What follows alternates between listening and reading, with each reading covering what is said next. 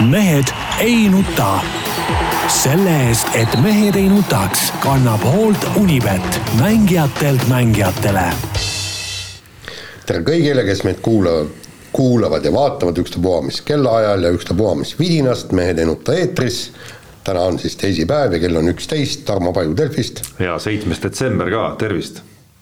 Peep Pahv Delfist ja Eesti Päevalehest. aasta tuhat kaks, kaks tuhat kakskümmend üks ka. jah, ja Jaan Martinson Delfist, Eesti Päevalehest, igalt poolt mujalt ja oota, mitmes sajand meil on, ma ei hakka igaks juhuks pakkuma. eks ta ole. no eks ta ole jah. nii, aga siinkohal ma tahaksin kindlasti tervitada kõiki neid rohepöörajaid ja igasuguseid muid seltsimehi kangelasliku elektri hinna puhul. et äh, lugesin just täna, keegi tark mees oli öelnud, et kuulge, et mis, mida me mängime lolli. paneme selle paganama oma põlevkiviahjud kohe mõnuga tööle, et me maksame ühe megavatt-tunni elektri eest, maksame ainult mingi seitsekümmend eurot seda saastemaksu, mis iganes maksame ja palun, me saame niisuguse hea ja odava elektri ja mingune see kogu Rootsi, Soome ja kogu see kamp omadega kuradile, iseendale e-, elektrit ja saame kümme korda odavamalt, kui, kui praegu on mingi tuhat, tuhat eurot aetakse selle megavatt-tunni eest, õnneks.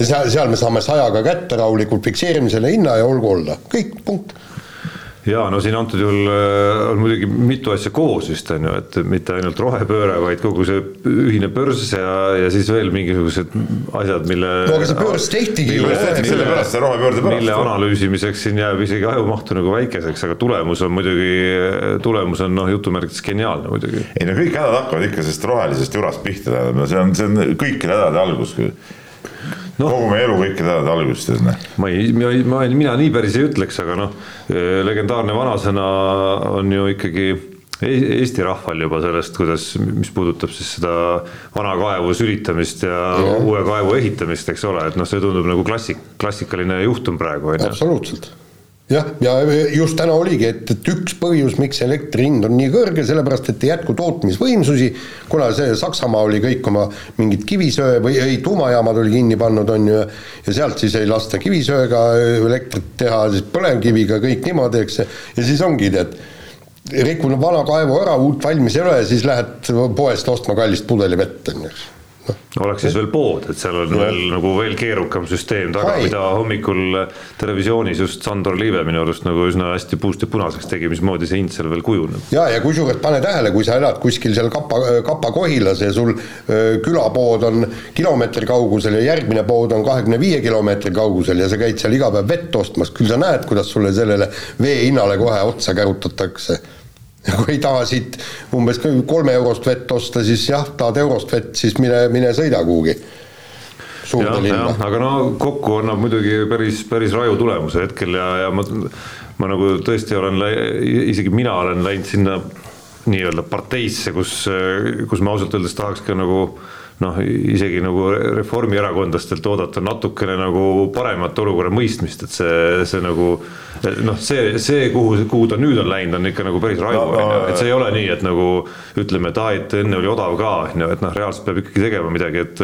et inimesed nagu hakkama saaksid. ega Reformierakonna häda ongi ju kogu aeg selles, et neil et see nagu- reaalsustaju ju puudub, nad elavad oma mingis, mingis teises universumis, ütleme, nad ju ütleme, tavaliste inimeste elust ei saa nagu üldse aru ja see tuleb ilmekalt välja ka praegu, praeguste nende Äh, valitsejate väljaütlemistest, noh, see on, see on kogu aeg Reformierakonna valitsemise ajal niimoodi olnud. Noh. ja, ja kusjuures nad ju kärbivad seal iga, mis aktsiisi tahavad vähendada, mida iganes on ju, eks, et kärbivad sellest tuhandesest eurost umbes kolm eurot maha ja siis ütlevad, nad on jube kõvasti ja palju teinud ja siis, kui te olete hädas, minge omavalitsusse ja küsige toetust, noh. see on jabur, jabur Äh, ei, see isegi aita, annaks rohkem selles mõttes see, aga, aga ka see otsus ei ole veel tehtud, on ju, et nad seda käibemaksu nii-öelda vähendama hakkaksid. No,, et, et, et see efekt oleks natuke suurem siiski kui see, mis sa tõid siin tuhandest kolm, on ju. no tuhandest kolmkümmend, noh, nelikümmend, viiskümmend, ikkagi ta ei mõju ju. Ta on, sa ei, ta on ikka rohkem, ta on umbes kümme protsenti ikkagi, umbes. no ja tuhandest sada, aga üheksasada pead ikka maksma, noh okei okay,, no tuhandes, tuhandesi arveid on õnneks vast väga ikkagi ei leidu eratarbijatel. no aga neil on asi seegi lõppkokkuvõttes, aga noh, hetkel ma ja. saan aru, ei olda veel selleski nagu kokku lepitud, et võiks selle ära teha. absoluutselt, nii, kuule aga. Läheme spordi poole. Läheme spordi poole ja räägime siis äh, jalgpallist ja hirmus äge mäng oli, Levadia Flora otsustav kohtumine, nii-öelda finaal, eks, kus, kus siiski, kus siiski oli eh, Levadial väike edu sees, eks, viigi korral oleks nemad tšempioniks tulnud, aga toimus ikka niisuguses lumesajus. ja tulidki viigi korral. ja tulidki ja, ja toimus niisuguses lumesajus, et, et küll mängiti selle oranži palliga, aga, aga sa, sa pidid ikkagi pingutama, et seda palli seal lumesajus vaadata. et, et see, see ei olnud väga lihtne ja, ja noh juba räägiti, et võib-olla oleks mäng äh, targem olnud edasi lükata, aga see oli Kuhu ikka noh tänaseks või eilseks? ei, ei, ei, aga mis siis on, vähemalt lund ei saja. nii. no veel külmem on ju, mingi see asi ei ole, asi ei ole ainult lumesaadus, sees ka külmunud väljakus ju kokkuvõttes. et igal pool seda soojendust ka ei ole.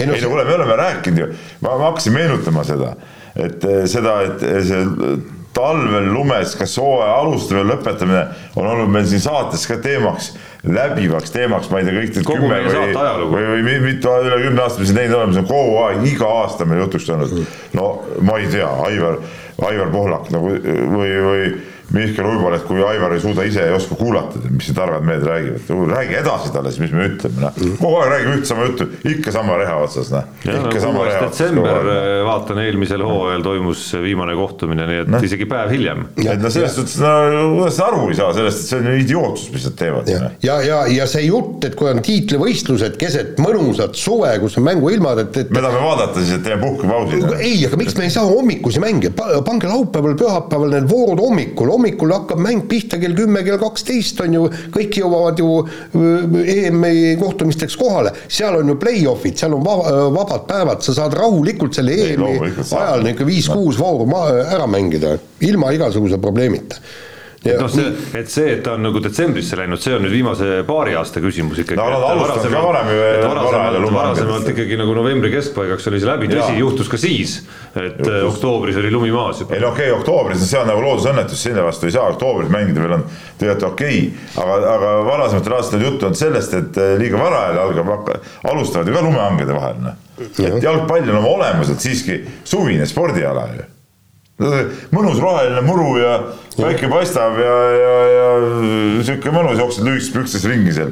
aga mis, mis, mis mõnu on punkt üks, mängijatel mängida siukse väljakul, punkt kaks, ka publikul seal mingis kolmes vati jopes istuda ja vaadata seda mängu. no, no okei okay., mingi piirini on nagu paratamatu, et kui sa tahad Eestis ikkagi nagu teatud mahu ära mängida, noh siis, siis äh, varake kevadel. ei no aga kuidas soomlased saavad ära lõpetada? no neil on äh, vähem mänge. ja, ja, ja. kas Soome jalgpall on kehvem kui Eesti jalgpall või? no ei ole. minu arust vastupidi et, et noh, mingil määral see jookseb ja mingi risk jääb, mäletad siin üks oktoober oli ikkagi nagu ju täielik loodusõnnetus on ju, aga noh, planeerida juba detsembri algusesse no,, siis see on juba, on juba päris riskantne, eks, aga noh, hea vähemalt on see, et et, et see suudeti seekord nagu teha ikkagi nagu tõelise spektaaklina, see lõpplahendus, et ega keegi siin nagu, ma mäletan, et siin nagu veel enne seda viimast nädalat äh, kuulates ja lugedes siin kas erinevaid podcast'e või, või kommentaare, et noh, siis see kuidagi see talve teema äh, rullus kuidagi nagu rohkem lahti, on ju, aga nüüd, kui need kaks viimast mängu osutusid nagu selliseks grande finaaleks ja, ja emotsioonide virvarriks ja tõeliseks nagu draamaks on ju, noh siis tegelikult nagu väga tõsiselt keegi nagu tagantjärele ei keskendu enam ei, ei, mis sa räägid nüüd, mis, mida ütles Jürgen Enn et äh, asi jäigi ju selle väljaku ja, olude taha ju jäi ju Flora mäng ju. no ma mõtlen rohkem nagu kõrvalt on ju, et siin enne seda nädalat oli nagu ikka väga palju juttu sellest, et kuulge, et mingi absurd toimub meil siin on ju, aga noh, lõppkokkuvõttes need emotsioonid, mis sealt äh, pühapäevast tulid, varjutasid nagu selle jutu ära, jah, osaliste osas muidugi ja, ja noh noh, ega Henni jutus mingi loogika on ju ilmselgelt sees, et, et see on vähe teistmoodi, et lumega on, lumega vähe teistsugune jalgpall on. aga lõpuks, jaa, aga lõpuks on tingimused võrdsed muidugi. ja, ja teine asi, kust see kaotus tuli, kaotus tuli selle pealt, eks, et, et kui seal äh, nurgas palliga pusimine oli, eks äh, Kirst läks rahulikult, pall käis või ei käinud üle joone, eks, aga Flora. kohtunik ei vilistanud, siis mäng käib edasi. mõlemad väravad, mis Flora lasi endale hooaja otsustavas mängus lüüa, olid ikkagi sellised, kus nagu ilma väljaku ja mitte millegi süüks ei saa mitte midagi panna, ehk siis nagu selged kaitsjate käkid olid mis olid sellised eba, suhteliselt ebaflooralikud ka, et kuidas nad sellises hooaja mängus nagu sealt just neil kärises, et oleks arvanud, et võib-olla saab põhiprobleemiks see, et Rauno Sappinen ei ole, on ju lõpuks nad suutsid kaks väravat siiski hoolimata sellest ära lüüa, aga, aga lasid endale lüüa ikkagi kaks suhteliselt totrat äh, väravat. ja, ja kusjuures tegelikult võt-, võta see viimane värav, ma juba mängu teisel poolel natukene imestasin, et kui nad proovisid seal igatpidi mingit kombinatsioone teha seal, kõik seda palli liigutada, eks, mis, mis eriti hästi ei õnnestunud, eks, no just selle väljaku libeduse ja, ja kõige muu tõttu, eks et miks nad ei peksa seda, seda palli sinna kõik kamp karistusalasse, küll seal kuskil massi sees saab ikka ära lüüa. eriti niisugustes oludes ka. just täpselt, jah, ja, ja, ja, ja kusjuures viimase värava ju just nii lõid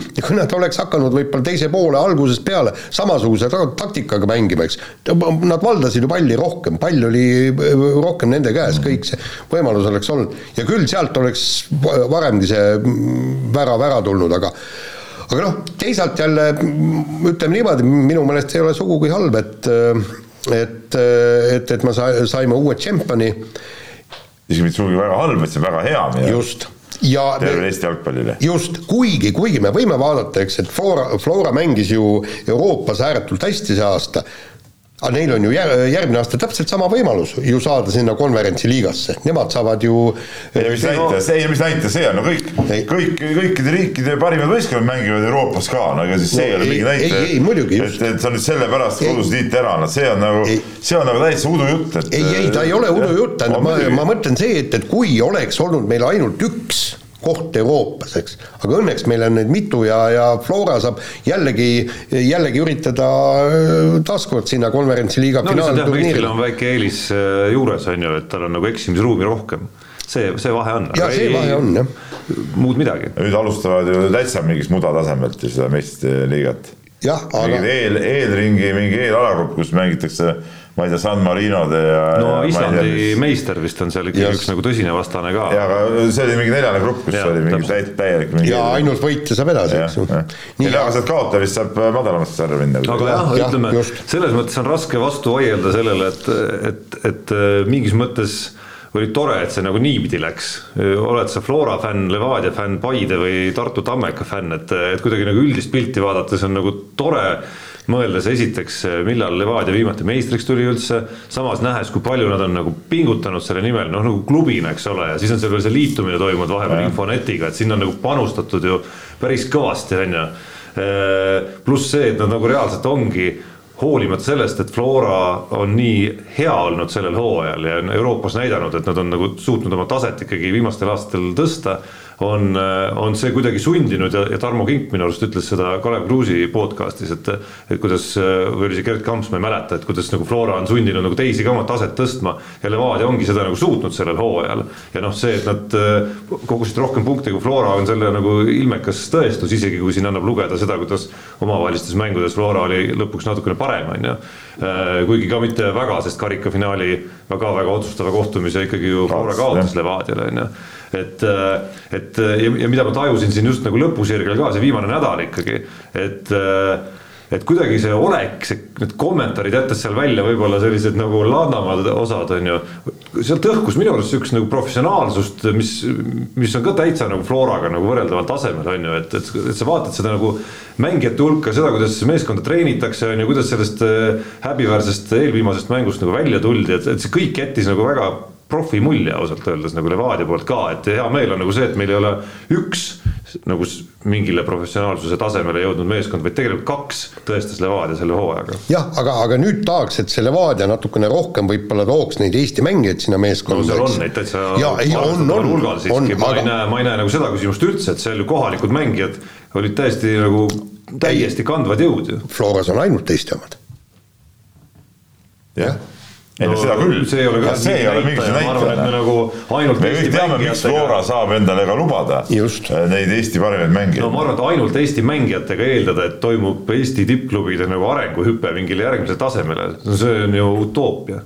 ja minu arust see Flora äh, rassimine nende oma mängijatega ainult arvestades, kus nad Euroopas mängivad, ei ole ka päris õige et, et seal üks-kaks venda, ma, ma, ma rohkem ei taha, et seal oleks näiteks üks-kaks venda võiks äh, rahulikult olla, kes aitaks seda üldist taset tõsta, noh. No mis need arvestades seda, kui palju, kui palju neil oli ka mänge, eks ole, näha, et siin need mitmed tippmängijad on ju vigastustega hädas, on ilmselt suurest mängukoormusest ka, siis, äh, siis igal juhul oleks võistkonna tugevdamine, kui nad juba said sinna konverentsiga põhiturniiril, no sellest oli ka toona juttu ju mm, -hmm. et nad võiks seda teha ja oleks, oleks tulnud see käik ära teha igal juhul. aga no miks nad on suutnud seda vältida, on see, et neil on õnnestunud Eesti oludes ikkagi noh, ühest küljest väga hästi tuua nagu altpoolt just nimelt Florasse neid neid Eesti nooremaid mängijaid ja teisest küljest siis selliseid nagu tipptasemel mängijaid ka korralikult enda juurde just nagu haakida, noh tänu eelarvele kindlasti on ka üks argumente on ju. aga, aga selge on..., see, see vajadus võib vabalt tekkida, kasvõi järgmine hooaeg juba, kui siin noh, Rauno Sappineni ja ka Märten Kuuse ümber vähemalt käivad jutud, et, et kui nad, millal nad veel välismaale lähevad, kui mitte nüüd, on ju jah, ja aga, aga siin ongi, tegelikult Levadia võiks ka ikkagi ennast tugevdada, ükstapuha, kas, kas võõrjõuga või omade meestega, et Levadial on võõrjõudu päris palju sellist. jah, ja, ja, ja sealt tuleks, tegelikult tahaks ikkagi, et, et see kolmas meeskond tuleks ka veel sinna mängu, mängu juurde, et et, et vaata, kus olid ilusad ajad, kui meil oli ka veel Infonet ka veel kogu selles kambas. Infonet on hästi lühikest aega. ei, ta oli lühikest aega. aga Nõmme Kalju on ju siin ka vett seganud, ega Kalju on olnud kui võtame Levadia tiitli, siis Kalju on pärast seda olnud ju ka Eesti meister. et, et, et ähm, ei, tegelikult ma arvan, et, et ütleme, see sihuke neli satsi ikkagi, ütleme Kalju, Paide, Levadia, Flora ikkagi moodustavad siukse päris, päris normaalse neliku, et, et okei okay,, Kalju see aasta oli nõrgem, võib-olla Paide poolt ka päris niimoodi eh, seal Levadia ja Flora tasemel, aga, aga iga mäng, mis nende vahel ka toimus, oli ikka selline, kus sa ei saanud surmkindlalt ära ütelda, et jaa, nüüd Flora Levadia igal juhul neid satse võidavad. Noh. no ja mõlemad on nagu väikese restardi ka teinud uueks hooajaks, et, et, et Paides on uus peatreener Karel Voolaid, värske uudis ja ja Nõmme Kaljul on ju spordidirektor, et, et mõlemad on väikese niisuguse nagu hetkega, kus, kus ma usun, et jälle hakatakse või on hakatud kuidagi nagu ambitsiooni jälle nagu kõrgemale tõstma pärast seda, kui vahepeal on tagasi antud, Paide, ma meenutan, aasta varem oli hõbedal. muidugi Karel Voolaiu palkamine muidugi ka eh, nii ja naa, et millal, eh, millal ta treenerina üldse meile võidu sai, kas keegi mäletab seda? ta oli seal Äh, mis ta oli, see noorte juunioride koondise peatreener ei saanud ühtegi ja meestekoondise peatreener ei saanud ühtegi või? no jaa, aga nüüd on. no okei okay,, tegelikult muidugi see oli väikse naljaga öeldud, tegelikult on muidugi, muidugi ikkagi Eesti mõistes ikkagi tipptreenerina, see on nagu selge. aga noh, see, et Levadia peaks selleks, et nüüd nagu järgmist sammu astuda äh, ja Flora eeskujul, no tõsta oma võimalusi Flora eeskujul, sest garantiisid seal Euroopas ei ole, noh natuke oleme samasuguses olukorras nagu no ütleme, Kalev Cramo Kossu rindel, et, et selleks edu, edu saavutada, pead sa ikka nagu mitu korda ületama ennast seal äh, mingite vastaste vastu, kes mängivad äh, oluliselt kuskilt tugevamatest liigadest ja tugevamate eelarvetega ja nii edasi, nii edasi. aga et seda võimalust tõsta, no ma arvan, et Levadia mitte, ma arvan, et siin isegi pole vaja arvata, vaid on päris ilmne, et siin, siin hakkab toimuma midagi, sest noh, mingid nõrgad kohad tulid ju ka ilmselgelt juba välja, alustades sellest, kui palju näiteks väravaid lasti lüüa selles, sellel hooajal, et et järelikult sealt nii-öelda nagu oma väljaku poole kõige tagumisest otsast juba väravapostide vahelt peab hakkama analüüsima, et kus need põhjused olid. Nii, aga vahetame teemat ja räägime natukene vehklemisest. Kaido Kaaberma jätkab EP naiskonna peatreenerina. kas rahu on siis nüüd Eesti vehklemisnaiskonnas tagasi maa peal? no vehklemises ei saa kunagi rahu peale loota, aga tegelikult noh, no mingi stabiilsus ikkagi on loodud nüüd uuesti. on ja, ja tegelikult oli, oli see üsnagi absurdne, et milleks oli vaja seda kogu seda jama, eks et see no, need, oleks jama korraldasid, need on nüüd nagu alaliidu juhtimise juurest oleks lahkunud jälle. just, aga tegelikult eks need vehklejad oli. siis endale nagu augu tegelikult. ja vehklejad oli ise, olid ise ka selles süüdi, et, et lasid need viie võistlejad sinna juhatusse endale tuua ja, ja noh, lootsid, et asjad lähevad paremaks, aga noh, eks neid moositi ka ilmselt ära, aga, aga praegu, no praegu on, minu meelest see juhatus on ka paigas ja nagu ma olen just kuulnud, et, et et seal ongi, nüüd on läbisaamine juba päris hea ja ei ole, ei ole enam neid Äh, kahepoolseid inimlikke duelle ka väga palju, et äh, noh, et, et on leebemaks muud, on saadud aru, et, et see kaklemine ei aita mitte midagi ja lõppkokkuvõttes on, ongi vaja nüüd, nüüd see asi on paigas, nüüd on vaja hakata Eesti vehklemist arendama. sellepärast, et, et ega meil see tagala on ikka ausalt öeldes kesine. no see, see mu küsimus nagu olekski, Jaan, sa tunned seda telgitagust seal oluliselt paremini, et jah, et selline kõige nähtavam osa ja nähtavam probleem lahendati ära aga suures plaanis see nüüd nagu ei ole ju Eesti vehklemise nagu arendamise küsimus number üks. Ei ole, aga, aga seal on, seal on mitmeid põhjusi, millest noh, nagu keegi ei taha nagu seal analüüsi teha, mille taga see on, sest meil ei ole noor, noored nüüd lõpuks võideti siis kas, kas oli kadettide MM-il pronks, aga, aga enne seda oli mingi neli tühja aastat mida varem ei ole olnud nii pikka öö, põuda. ja noh, seal on igasuguseid probleeme ja näiteks üks probleem kindlasti, mis on ja mis on ka välja toodud, aga mida ei taha keegi kinnitada, on see, et, et kõik need tipptreenerid, kes on m, tootnud neid nii-öelda maailmameistreid ja, ja olümpiavõitjaid, käivad koos oma õpilastega laagrites kaasas, võistlustel kaasas, igal pool kaasas ja sellel, sellel ajal nad ei tee tööd noortega aga just nemad on selle Beljajeva, selle Kirpu, selle Kristiina Kuuse, Katrina Lehise ju üles töötanud.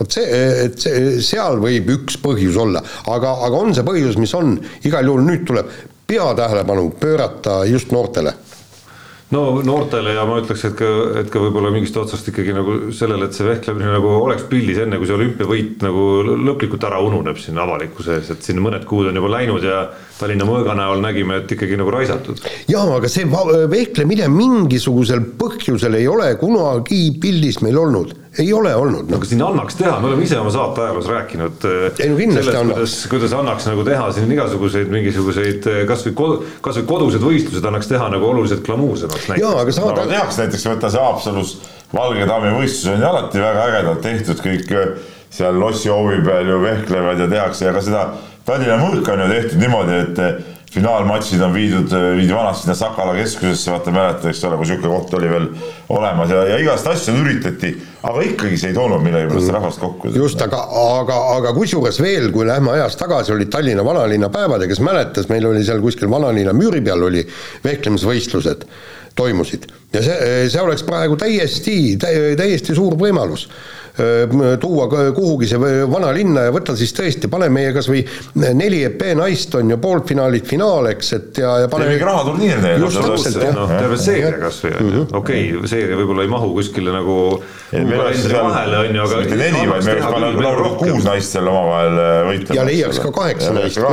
jah, ja, ja, ja kõike seda annaks teha, et, et äh, et vaatame, kuidas see uus juhatus omadega hakkama saab nii, äh, aga lähme edasi ja oli pühapäeva õhtul siis. Väga kõva äh, spordielamuse sooritus äh, vormel üks sarjas, kus ammu pole niisugust ägedat, noh aastaid ei olnud nagu niisugust väga põnevaid no nüüd duelle, aga terve hooaeg on juba jaa, ei, ma, ei, ma mõtlengi, et aastaid ei olnud mitte midagi nüüd see hooaeg on nüüd nagu hoopis, hoopis teisest puust ja, ja, ja ütleme, kulminatsioon tuleb nüüd küll pühapäeval, aga sihuke eelkulminatsioon oli siis eelmine pühapäev, kui siis Lewis Hamilton ja Max Verstappen pidasid maha siukse üsna, üsna jõulise duelli, kus seal lõhuti autosid ja, ja võeti karistus ja sõideti üksteist rajalt välja ja nii edasi edasi. Ja kõik siis päädis äh, sellega, et äh, enne viimast etappi mõlemal mehel võrdseid punkte ja kes eespool lõpetab viimase etapi, see on äh, maailmameister, et midagi paremat tahta ühel spordialal on nagu raske. no nende kohtunike nahas nagu ei tahaks ausalt öeldes nagu olla enam seal ei, seal ei ole midagi olla, seal kõik oli ju selge. nagu mõõdurindiga mõõta seal, mõõta seal mingeid rajaületuse asju ja arutada, et kes, kas, kes pidurdas liiga palju või kes oli liiga lähedal ja nii edasi, nii edasi. Tarmo, ära hakka nüüd ajama, kas sa vaatasid sõitu? nii, nii. vaatasid sõitu? mitte algusest lõpuni olen näinud. okei okay,, ma vaatasin, aga pärast kärisin ja vaatasin ka.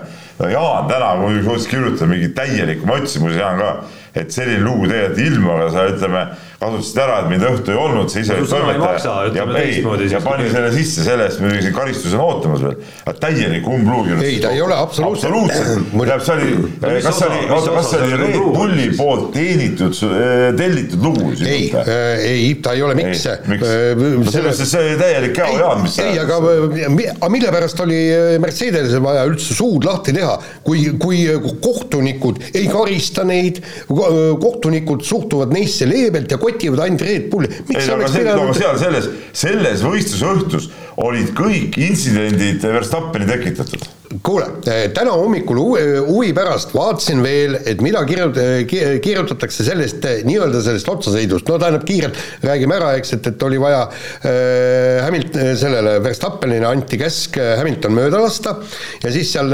sirgel äh, pidurdas keset sirget järsku oma. nii, võttis oma. ei, lõpus ta ka pidurdas ja. no natuke kergelt. nii, ei, oota, oota, oota, oota, oota, oota, oota. täielikust saustis. ei, ma lugesin ka, ma räägin ütleme, mis silma hakkas, oli see, et Red Bull ilmselgelt sai rohkem sõna kui Mercedes. ei, aga Mercedesel ei olnudki midagi. miks ei olnud, ma loen BBC-d ja ma näen väga palju, kuidas Mercedesel on ka öelda nende ei no aga BBC-s on kallutatud. aga see sinu Red Bulli sa said selle teksti Red Bulli lehe pealt, ma tean, Jaan, sa võtsid selle muidugi võtsid. ei, ei kindlasti ei mitte, ei. ja kust sa said selle siis? ei no see on igal pool, tähendab, see oli, nii, okei, oota, oota, oota, oota, oota, oota, oota, Marko lauses, et kõik Red Bulli pressiteated. ei olnud, ei, ajakirjanikud rääkisid nendega, üks oli autospordist, üks oli isegi Guardina, Guardianist, mis on Briti, oota, ma lõpetan nüüd. täna hommikul vaatasin üle. Ja palju eksperte, tõesti kõvasid, Damon Hill imestas, ütles, et mida te vingute, karistada tuleb Hamiltoni tagant sissesõidu eest, sest, sest kuule nüüd, kui sa tahad mööda sõita, siis sa ei pea eeldama, et teine sinu eest eest ära tõmbaks. palun, sõida mööda, kas paremalt, vasakult ruu-, ruumi oli, miks sa sinna tahadele sisse sõitsid? Damon Hill ise ei osanud sõita ju, hädine ühekordne maailmameister no,, mis ta on? no mitmekordne maailmameister on näiteks ükstapuha siin no. mehi, kes on. nii, ja mis nemad ütlesid? no Kimi Räik on ka ühekordne, mis ta on kehv mees. no kuule, Räik, sa võrdled jälle sedasamast. kuule, ei ole midagi, mina nägin, mismoodi see oli ja mina ütlen, et nii on. ja, ja, ja, ja kusjuures ma vaatasin. see jutt, mis sa ajasid, et, et äh, Hamilton äh, rammis äh, Verstappeni rajalt välja, ei olnud. tema ju ei ramminud midagi, tema sõitis õige selle tee peal, ei läinud rajalt välja ju no jaa, aga kuhu, aga, aga, aga Verstappen, kui ta rammis seal äh,, kiusas Hamiltoni, siis ta sõitis ju otse välja, väga õigustatud karistus oli ju. nii, ja, ja siis ma. okei okay,, siis tagant otsa, selle eest see kümme sekundit, mis ta sai, see nagunii ei muutunud midagi nii, ja siis ma muidugi lugesin ka neid foorume, kus tõesti inimesed räägivad, kes sellest asjast midagi teavad, erinevalt minust, sinust ja Tarmost. sellepärast, et meie olime, me, me oleme tõesti ainult niimoodi väiksed vaatajad, me, me ei ole sinna vormel ühte ikka süvenenult läinud. Ja seal käib ka vaidlus. Ja seal, seal vaieldakse tõesti, ühed on üht, üht meelt, teised on teist meelt, aga vaata, seal see tuleb sellest, et ühed on ühe fännid, teised on teise fännid. ei, aga mina on väga kummaga fänn ja mina ütlen objektiivselt. aga, aga tegelikult tuleb see ka sellest, et neid äh, olukordi ongi jube raske hinnata, tulles tagasi nende. Noh, no ei ole, kuskil ühel etapil on tehtud mingis asjas suht äh, sentimeetri pealt samas olukorras üks otsus on ju, aga kohtunikud, ma ei tea, nad on nad samad või erinevad üldse? ei ikka samad, sama võistlusjuht on sama ja nad, nad ütlesid, et see vana Whitting oleks, kes kahjuks teise ilma läks enne hooaja algust, et äh, tema tuleks tuleks tagasi tuua, et, et tema oli nagu õige mees, see on lihtsalt, praegu on uu, uus juht, võistluskohtunik ja, ja, ja lihtsalt ta kompab piire. Ja, ja näiteks tema ebapädevust näitas minu meelest juba see, et ta hakkab keset sõitu kauplema kauplema sellega, et kas, kas te lasete, kas te lasete, lasete siis, öeldi Verstappenile, kas sa lased nii-öelda kaks meest endast mööda või siis me anname sulle kas viie või kümnesekundise karistuse, kumma me veel ei tea. noh no kuule, kuule, kujutan ette korvpallimängus või jalgpallimängus täpselt niisugust asja või? ei, see oli muidugi, no, see oli muidugi jura. no need, needsamad võistlus, võitlusolukord, jättes see pidurdamine nagu kõrvale, noh. see, mis piirist edasi on see nüüd määruste vastane nagu nii-öelda rajalt välja puksimine, eks ole, noh. et see, see, seda, kui sa ei mõõda nagu joonlauaga ära no,, et see piir on siin. see on näha ju, see on näha ju jah, aga ma olen vormelit vaadanud kogu elu. kusjuures kõik need olukorrad, mis ka siin olid ja pluss ka see veel see hoo mahavõtmine, sest äh, Verstappen äh, no aga see oli ju ka Verstappeni sigadus, mis ta tegi, et ta lasi mööda ja siis kohe samal äh, sirg-, ei no see no see peaks, see tuleks reegliks peaks ära muuta, et sihukeses kohas see möödalaskmine ei loe, vaid sa ei tohi kohe mööda minna. ei no kui reeglid lubavad. see on ajuvaba ju noh. ei no ta võib olla. no ma olen Peebuga nii palju nõus muidugi, et nagu üldmuljena, üldpildina nagu tundub mulle, et Verstappen oluliselt nagu rohkem äh, nii-öelda käib seal piiri peal kui Hamilton. ta tundub, on rohkem huvitatud sellest, et äh, rajale jääda. aga, aga mis mind nagu häiris seal ülekandes, ma ei ole üldse nõus ikka meie äh, hea kolleegi Ekspressist Toomas Vabamäega, kes sõitu kommenteeris, kes korduvalt ütles, et kahju, et see sõit nüüd selliseks läks ja nii edasi. vastupidi, Toomas, vastupidi, see oligi äge. üks, nagu see. ükskord ometi ja, oli ja. ka mingit võitlust, ma oleks tahtnud veel näha seda ja nad tulevad autodest välja, panevad veel üksteisele rusikaga pikki kiivreid seal. täpselt nagu saate, täpselt nagu saate algusesse tulles, jumala äge, et see jalgpall sellise tulevärgiga lõppes ja see tulevärk ei olnud ainult see, et oli tasavägine, vaid oli ka see, et tulidki, mängiti vea piiril, Brent Lepistu tuli, tegi nagu jõulisi vigu, on ju, kõik, kõik see selline nagu noh, selline tõesti nagu, nagu käib ikkagi nagu mõisa peale andmeid. muidugi, sellest, see on jumala äge.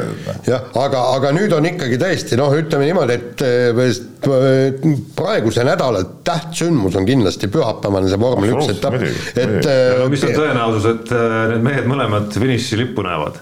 ei, aga see oleks Verstappenil väga hea. ma tean, et see on väga hea ja, ja teades no., et ta testib ise piire rohkem, siis no, ma küsingi, et mis on tõenäosus. mis juhtus äh, Schumacheriga, kui ta samasuguses seisus Äh, otsustas äh, teha seal oma trikid ära, noh, et, et. ükskord õnnestus, teinekord jälle tühistati terve hooaeg, eks.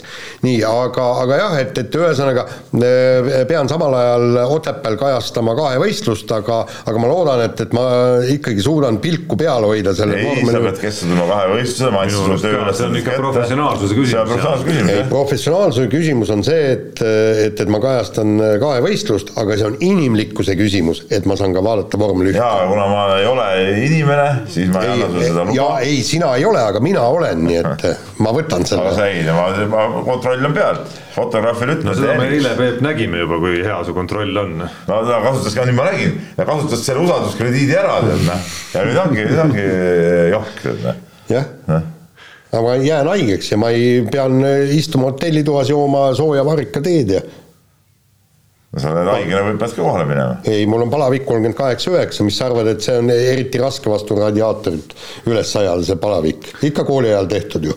jaa, ma lapsepõlvest tean, lambipirn, mul radiaatoreid ei olnud, aga minul oli lambipirn. villase soki sisse saab veel hõõruda. ja teine asi veel see, soolaga nühid kaenlaaluse ära ja paned kraadi sinna. see, see, need on sellised nagu kuidas öelda, nagu siuksed amatöörlikud. ei, vastupidi, vastupidi, need on just. ei no mis, mis sa nii palju vaeva pead tegema? kuule, mõtle nüüd peaga sulle ütleme, eh, ma ei tea, vanema või keegi toob selle kraadi noh, pane see, kus sa saad selle lambipirni juurde, seal kuskil samas, sa ei karga ju püsti, sa pead olema pikali. ja, ja kusjuures on veel kõrval. ega me siis nagu nii haige ei pea olema, et nagu pikali käisema seal. kraaditakse, sa pead olema pikali, loomulikult. minul käis väga lihtsalt. võin öelda. näed, nii jälle, Tarmo Paju, eh, ma tean, Tarmo Paju eh, ema kindlasti kuuleb meie saadet, onju. nii jälle, kasvatuslik mees ja see lööb siiamaani välja, jälle see mingisugune vaba kasvatus, mingi haigine tuiati ringi, kraaditi püsti jala peal ja sealt ei saagi mingit resultaati tulla, noh. eks see kõik, eks see kõik nagu ütleme, lööb välja ka praegu. ja, ja, ja, ja kuule, teine asi on ju see. enne eks... kui sa läksid sinna, enne käisid soolaga, tegid kaenlaaluse ära, siis läksid, heitsid pikali ja siis panid kraadi. seda on tehtud ka Vene kroonus muuseas. ja, ja, ja muide. arust on see nutikuse puudus lihtsalt. selles mõttes sul võib kraadimise ajal pissi ära tulla, lähed jalutad vetsu rahulikult. siis ei loe, siis paned uuesti alla, maha ja lööd kraadi alla ja uuesti. ja kuule, kas sinu lapsevanemal ei, ei tekkinud kunagi kahtlust, et, et siis, kui tuleb suusatamise mm, siis, siis järsku on pojal kohe kolmkümmend kaheksa on palavik. tead, ma ei olegi küsinud, selles mõttes mu ema teab seda kõige legendaarsemat lugu, kus üheksakümne teisel aastal äh, minu arust oli see esmaspäevane päev, kus algas Albervilli olümpia ja siis selle eelõhtul ikkagi need võistlused olid kõik ju nagu hommikusel ajal meie aja järgi, ehk siis nagu kooli ajal, no kell üksteist ja sellised ajad umbes on ju, kus ikkagi siis nagu selle olümpiamängude eelõhtul või ei, olümpia võib-olla algas varem isegi, aga noh, kooli pidi minema esmaspäeval ikkagi. olümpia hakka tavaliselt esmaspäeval. jah, et võib-olla seal, võib-olla reede, laupäev, pühapäev, võib-olla laupäev, pühapäev juba sai vaadata ja maitse suhu on ju, siis, siis ühesõnaga pühapäeva õhtul ikkagi kerkis palavik oli selline asi ja lõpptulemus oli jah see, et ja alates sellest esmaspäevast üheksakümne teise aasta talvel Tarmo Paju ei ilmunud kooli ja kaks nädalat hiljem, kui olümpia oli, lõputseremoonia oli pühapäeval ära olnud. imeline tervenemine toimus siis kohe. naases Tarmo Paju jälle kooli, koolitunde. jah, noh, noh, niisugune on Äh, nii, korvpallist. jaa, äh, korvpalli, rääkige, mis nüüd toimub, et äh, Kalev Cramo võitis kenasti VTB liigas, sai kolmanda võidu, eks, ja ja, ja noh jah, nüüd loeb maha sealt. ei, ma, ma loen tõesti, ma ei ei tea, millest jutt käib. ei, ei, ma, ma selles mõttes ikkagi tean, kuigi ma ei vaadanud seda, seda mängu, aga ma tulemust tean, aga aga ja siis meie Eesti mängijatega on siin probleemid, et et ei ole neil ikkagi kohta meeskonnas või ühel mehel ikka pinge otsale sai, aga mängu veel mitte, et rääkige, mis toimub? no Kalev Cramost alustades äh, siis äh, noh, ärme rutta veel, ilmselgelt oli näha, et paus kahjuks ei tulnud, erinevalt Kalev Cramo vastasest Astanast oli Kalev Cramole see paus kasuks tulnud. Kalev lastas oma, oma ameeriklasi koju. jah, ja nad olid äh, ikkagi nagu ilmselgelt nagu parema enesekindlusega mängisid kui enne seda pausi, kus see must auk nagu tekkis, aga noh, see kõik on Äh, Indrek Reinbuk ütles hästi, ma olen seda tsiteerinud siin juba äh, siin saates ka korra, on ju, et, et, et kõik need liigad on meie jaoks sellised, kus neid eneseületusi tuleb kogu aeg nagu teha, on ju, nii et täna ootab järgmine juba Prantsusmaa liiga hetketabeli tippmeeskonna vastu ikkagi ees, on ju. et see kõik on siin habras jää, aga, aga no loodame muidugi, et see jätkub, see, mis muidugi Astana puudutab, see kõlab nagu ikkagi profispordis ja Astana, no me ei räägi siin nagu mingisugusest nagu, et Eestist, kus on nagu mingi selline kodu, koduses liigas, kus me võime vaielda, kas tegemist on proffidega või mitte, on ju, me räägime ikkagi väga arvestatavatest eelarvetest, Astana, Kasahstan ikka nagu noh, seal ikkagi nagu raha liigub, seesama põhivend, see VTB liiga parim korvikütt, kelle vorm ilmselgelt oli nagu kõige suurema hoobi saanud, on ju, on oma karjääris ikkagi nagu päris korraliku teenistuslehega ka, on ju, et, et kuidas niisugune asi nagu juhtuda saab väga adekvaatse kogenud peatreeneri käe all, kes siis nagu ise läks ka koos üheksa Kasahhiga siis mängima äh, äh, Kasahstani koondise eest mänge. parandama Kasahhe, nende hulgas olid mõned. no okei okay., et, et kuidas, et kuidas selline nagu amatöörlus sai nagu kokku tulla, see on nagu imelik. ja see on imelik tõesti, aga, aga noh aga mis meil sellest, mis Astana teevad, meile väga hästi sobis see, et, et üks mees oli Ameerikas, ma ei tea, mida teinud, hamburgereid söönud ja ja, ja pidutsenud või igatahes täitsa vormist väljas, et meile sobis see väga hästi ja, ja, ja ütleme, vastase mäng oli ilmselgelt halvatud ja see aitas ka, ega Kalev ka ei alustanud seda mängu hästi. esimene poolaeg oli ikkagi üsna sihuke, sihuke krobeline ja, ja, ja robustne, eks ole. aga tänu sellele, et vastane oli nagu veel kehvem, sai nagu Kalev ennast noh, elas selle raske alguse nagu üle ja, ja teisel poolel mängiti juba juba märksa paremini ja, ja siis sealt tuli ka see kahekümne punktine vahe, umbes kahekümnene, ma ei mäleta, mis seis täpselt tõid. et, et ja, ja, ja selgelt ütleme meie nendele ütleme, Kalevi mäng ju tugineb ikkagi kolmele tagumisele ameeriklasele, kes siis ütleme enne seda koondise pausi olid üsna tühjad ja augus. et nemad said nüüd rahulikult siin trenni teha ja, ja, ja nende vorm oli ilmselgelt eh, parem ja nemad, nad olid jälle sellesse, sellesse võtmesse või sellesse sõiduvette tõusmas, mis neil oli hooaja alguses, noh, ütleme teisel poolel no selgelt oli näha seda. aga see teine teema kõlks, mille sa, Jaan, välja tõid, ehk siis eh, Eesti korvpallurid välismaal, no on ka huvitav, alustades siis Henri Trellist, kellest siin peamiselt on põhjust praegu rääkida, kelle, kelle karjäär Itaalias vähemalt Pesaros sai otsa ja kes otsib hetkel uut mängupaika ja no mis siin salata, eks siin korvpalliajakirjanikud, kes asjaosalistega suhtlevad, teavad, et ega, et ega noh, Kalev Cramo klubi sees vähemalt on vähemalt arutatud, et kas peaksime tegema mingi, mingi pingutuse pakkumise ja nii edasi ja nii edasi, aga, aga hetkel väidetavalt vähemalt need jutud nagu veel väga kaugele jõudnud ei ole. no seal probleeme on jah, probleeme veel on selles suhtes, et, et äh, küsimus selles, et kui ta nüüd tuua siia äh,, kas selle jaoks on raha kas selleks peab kedagi ära saatma, kas kellegi ärasaatmine, trellile toomine on õige käik, kas see annab meeskonnale palju juurde ja nii edasi, et, et siin nagu neid küsimusi on palju tegelikult. no pluss äh, alustades sellest, kas kellegi ärasaatmine annab üldse raha juurde, sest et fännidel on jah lihtne teinekord öelda, et noh, saadame selle mehe ära, selle mehe ära, aga reaalselt äh, meeste ärasaatmine on ka kallis lõbu ikkagi, et et need lepingute lõpetamine ei käi nii, et ütled, et mine nüüd minema, on ju, et need tuleb reaalselt rahaliste kokkulepeteni jõuda, kus sa ikkagi mingi osa sellest hooaja lõpuni ette nähtud palgast maksad neile välja. Ja ehk siis, ehk siis ega seda raha nüüd nagu nii palju järele ei jää sellest või ei pruugi vähemalt jääda. ideeliselt mulle muidugi väga meeldiks ja tegelikult meeldiks isegi nagu mõlemast vaatenurgast. nii Kalev Cramo vaatenurgast, et selline nagu Eesti uue põlvkonna koondislane selline üsna, üsna suures rambivalguses juba olnud, liitub meeskonnaga ja, ja lisab siia sellist nagu noort Eesti sellist nagu noh ko, koondise ümber, Eesti korvpalli ümber on sellist nagu head vaibi praegu päris palju, et siis toob seda nagu Kalev Cramosse juurde ja teisest küljest ma arvan, et Henri Trellile oleks see nagu nagu huvitav väljakutse selles mõttes just, et äh, Robert Stelmachersi juhitav Kalev Cramo ei ole meeskond, kus nagu sulle avansina hakatakse midagi nagu andma, et tegemist on ikkagi suhteliselt nagu karmi vanaga ja, ja siin tuleb kõik endale nagu välja võidelda ikkagi. teisest küljest mingil määral kodus ikkagi on oma, oma klubist natukene lihtsam eestlasel võib-olla jalgu maha saada. et selles mõttes see võiks nagu win-win olla et lihtsalt siin ei tuleks ka midagi, aga võib-olla natuke lihtsamalt kui mingis väga suvalises kohas kuskil, ma ei tea, ükskõik millises Poola klubis või, või mis iganes. ei, seda kindlasti mingi Poola klubi oleks selle kõrval nagu nali, eks ole. siis VTB liiga on ikka kõva liiga, siin pole midagi rääkida ja, ja mida rohkem eestlasi Kalevis mängib nagu Eesti, ma mõtlen ka siuksed nagu koondise tasemel mängijad, seda, seda huvitavam ja seda ligitõmbavam Kalev on. et see on nagu fakt räägime rallist ka veel natukene, neid äh, siin ühtegi nagu nii-öelda suurt-suurt teemat ei ole kerkinud, aga neid, neid väikeseid killukesi, mis väärivad tähelepanu, ikkagi on omajagu, noh alustades sellest, et äh, viskame ikkagi siin ka õhku selle küsimuse, mida Tommy Mäkinen siis välja käis, mitte küsimusena, vaid väitena, et kui Ott Tänak oleks Hyundai asemel, Hyundai'sse siirdumise asemel jäänud Toyotasse, siis oleks Ott Tänak tema hinnangul hetkel kolmekordne maailmameister. no oleks no. siis või? No ütleme niimoodi, et, et praegu ta ei ole kolmekordne maailmameister, järelikult no. üks asi on nüüd selge, et äh, Hyundai'sse minek, vähemalt kui me räägime sõidust äh, ja, ja nii-öelda sportlikust poolest, oli viga. selge see, ta ei tulnud maailmameistriks. kas nüüd Toyotast oleks tulnud maailmameistriks, see on teine küsimus.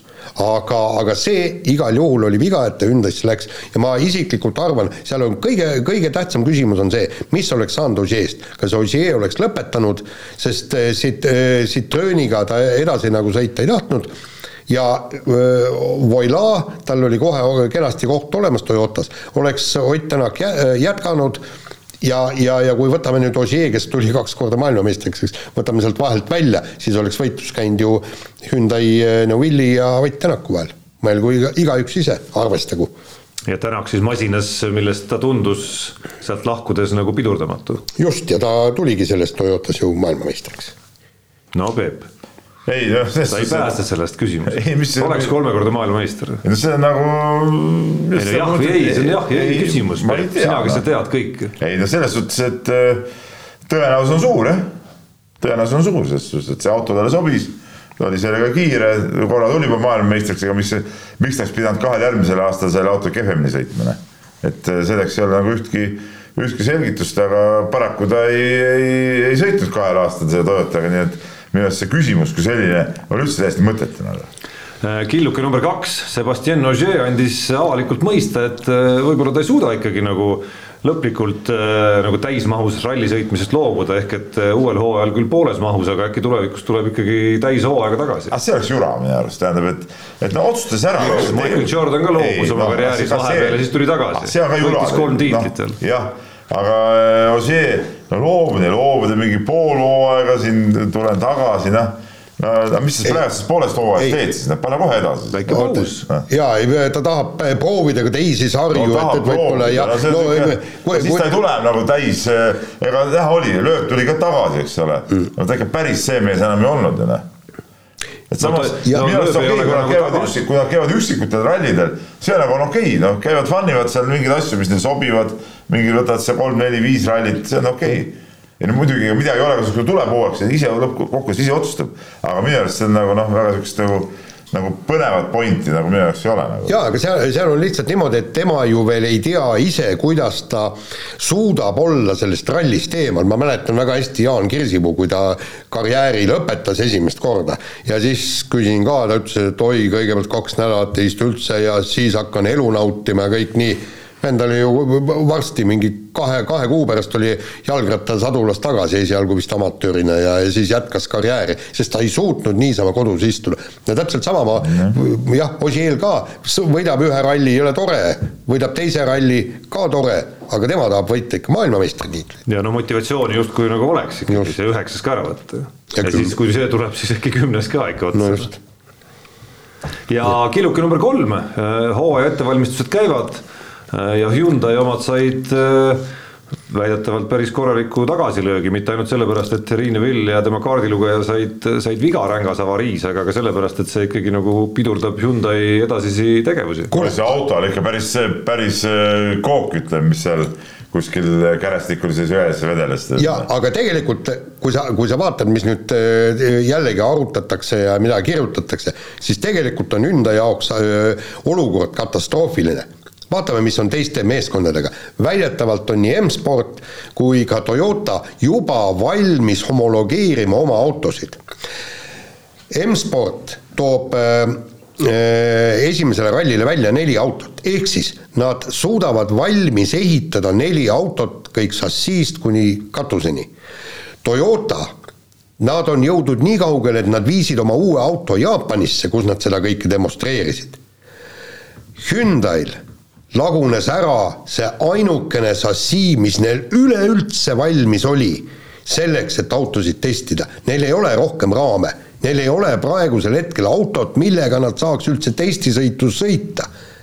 ja nad on ikkagi nii meeletult maha jäänud, niigi. Ja nüüd niisugune pauk ka veel otsa, et, et, et siin on tõsine küsimus, nagu see Dirtfish oma artiklis püstitas, kas nad jõuavad üldse oma auto valmis hämmastav ongi see, et nad, äh, et nad nii aeglaselt on kogu seda asja teinud ja nii kaua on see aega võtnud, neil ei olegi reaalselt nagu midagi olemas. jaa, aga nad hakkasid ju teistest pool aastat hiljem tegema, jah. see ongi nagu hämmastav, et miks nad sellega nii kaua eh, reaalselt nagu venitasid, eks ole. mina arvasin, et nad võib-olla tead nagu ütlevad küll, et nad venitavad, tegelikult nagu seal töö käib, aga tuleb välja, et tegelikult nagu ikka midagi ei olnud seal taga siis. ja, ja pagan, see oli ainukene auto, mida sai üldse testida, millega sai seda arendustööd teha ja, ja, ja, ja nüüd ei ole seda ka. aga kus see konks siis oli, selles mõttes, kas see oli Andrea Adamo halb juhtimine või ei. see oli mingi üleüldisem ebaselgus ja ei, ebaselgus, ebaselgus oli.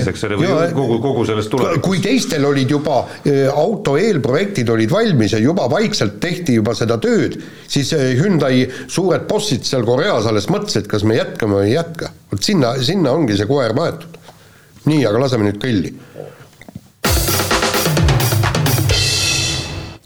jätkame kiire vahemänguga ja jälle on eh, parimate sportlaste ja treenerite valimisel igasugused jamad.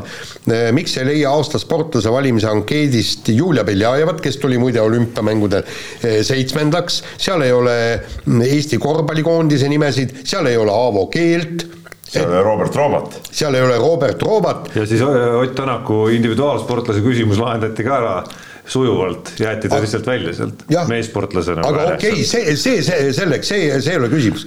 Julia Beljajev. küsimus ikka on, vaielda saaks väga hästi siin praegu. ei, ma. raudselt arvestades, arvestades meie eh, meessportlaste olematuid tulemusi sel hooajal. no tõsi, küsimus jah, ei ole selles mõttes väga aktuaalne, et ka Ott Tänaku tulemus ei olnud nüüd suurem asi siiski nojah, ühe, üks väljavõit jah. jah, aga, aga ma räägin, siin me, siin me jookseme peaga vastu seina täpselt sel hetkel, kui juhtub nagu äh, Takamotoga või, või siin mitme teisega, kes vahetasid poole hooaja pealt kaardilugejaid ja kui Ott Tänakul on ka kaks kaardilugejat, siis ke-. või kolm. või kolm, eks. noh, kes siis on, ei ole rallipaar. niisugust asja kui rallipaar ei ja. olegi olemas, noh seda ei saa, ma ei saa aru, kuidas Gerd Kanter, kes muidu on ju tegelikult täitsa noh, ta peaks nagu mõistlik mees olema ja ongi no mõistlik mees. Ja siis ta ajas sihukest imelikku juttu, tema see sportlaskomisjoni ma ei tea, juht või, või kõneisik või mis ta seal on hakkas siukest täielikku udu nagu suust välja, tead, noh, see jättis väga imelik mulje. aga jah, tulles nüüd alguse juurde tõesti. mis kuradi otsustajad nemad kokkuvõttes on, ma ei saa aru, see on ka mingi kummaline asi. ja, aga jah, tulles nüüd selle alguse juurde, Julia Beljajeva ja, ja korvpallikoondis tunduvad nagu küll täiesti nagu siia võiks, need nimekirjad üleüldse võiks minu arust olla nagu kordades pikemad siin. sellepärast, et kui võtta välja, ma lõin selle lahti, viis on kaheksa naist üldse valida välja, siis on ilmselge, et need kaheksa naist, kes siin nagu nimeliselt on välja toodud, saavad nagu tohutu eelise minu arust võiks need kakskümmend kasvõi siin nagu olla juba.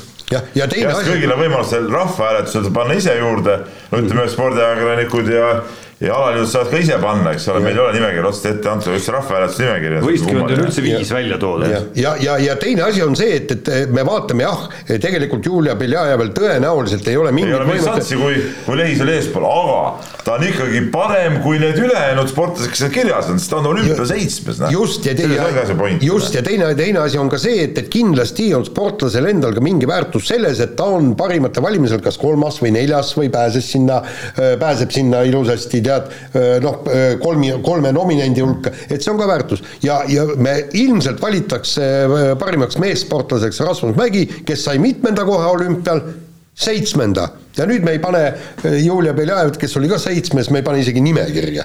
selles suhtes Märdil oli nagu hea, hea artikkel tänases lehes ka, täpselt detailid välja, me ennem arutasime ka seda Just. ju eile ka koosolekul, eks ole. ja ma toon seesama see Robert Rooba näite veel ka nagu meeste kategoorias, et, et, et kui mängija jõuab ikkagi tippliigasse ja mitte ei lähe sinna kuskile istuma, vaid on seal mängumees, lööb väravaid ja asju no kuidas ta siis ei ole nagu meie parimate sportlaste hulgas, mis, kes siis veel parim, parem nagu on? just, ja kusjuures klubil läheb hästi. klubil läheb hästi, klubi on no. absoluutselt tipus praegu. ja, ja minu meelest on see ka absurdne näide, Aavo Keel oli kenasti nimekirjas sees, kui ta viis finaalturniirile selle aga finaalturniiril sai alagrupist edasi, siis järsku enam ei ole nimekirjas sees. erinevalt Eestist, kes ja. ei saanud, on ju, eks. jah, ja siis ei ole. täiesti, täiesti nagu sihuke no ajuvaba täiesti, ajuvaba tegelikult. aga tead, see, siin ma arvan, et, et siin, siin on ikkagi jällegi ma leian, et probleem tegelikult on kogu aeg ju varem valisid ajakirjanikud seda, et, et see on konsulteerimata. ma arvan, kui, kui oleks Gerd Kanter tulnud noh, nagu nii-öelda meie koosolekule. arutame natuke lihtsalt. arutame seda asja, siis, siis me oleks pannud need roobad, Beljajevad ja kõik me oleks sinna sisse pannud, eks.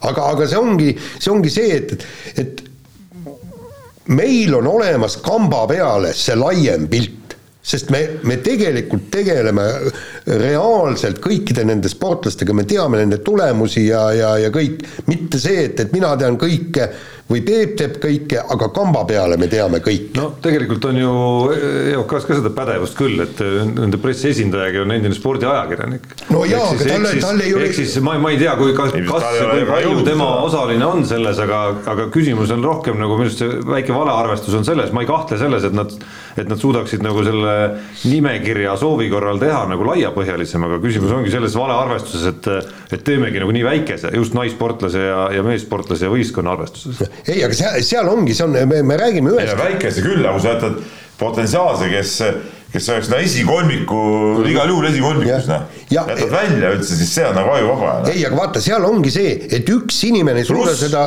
hõlmata. pluss ma tuletan veel meelde, meessportlased, meessportlased, tõstmise mm alles tuleb. nii, ja kui Mart Seim saab näiteks, okei okay,, ei saa medali, saab MM-il neljanda koha, noh aga mis see on, et, et MM-i, mis on klassikalisel spordil MM-i neljas koht, olümpia seitsmes koht nii siin, siin juba tekib juba see küsimus, mille ainus, aga selle ainus äh, lahendus on lükata üldse see aasta sportlase valimine. no aga me nagu ei pea seda ju hääletust praegu ei tegema. No, lisaks, soomlased teevad ju. lisaks, lisaks naissportlastele. kakskümmend kolm, viiskümmend üheksa. MM on veel ju tulemas ju. just.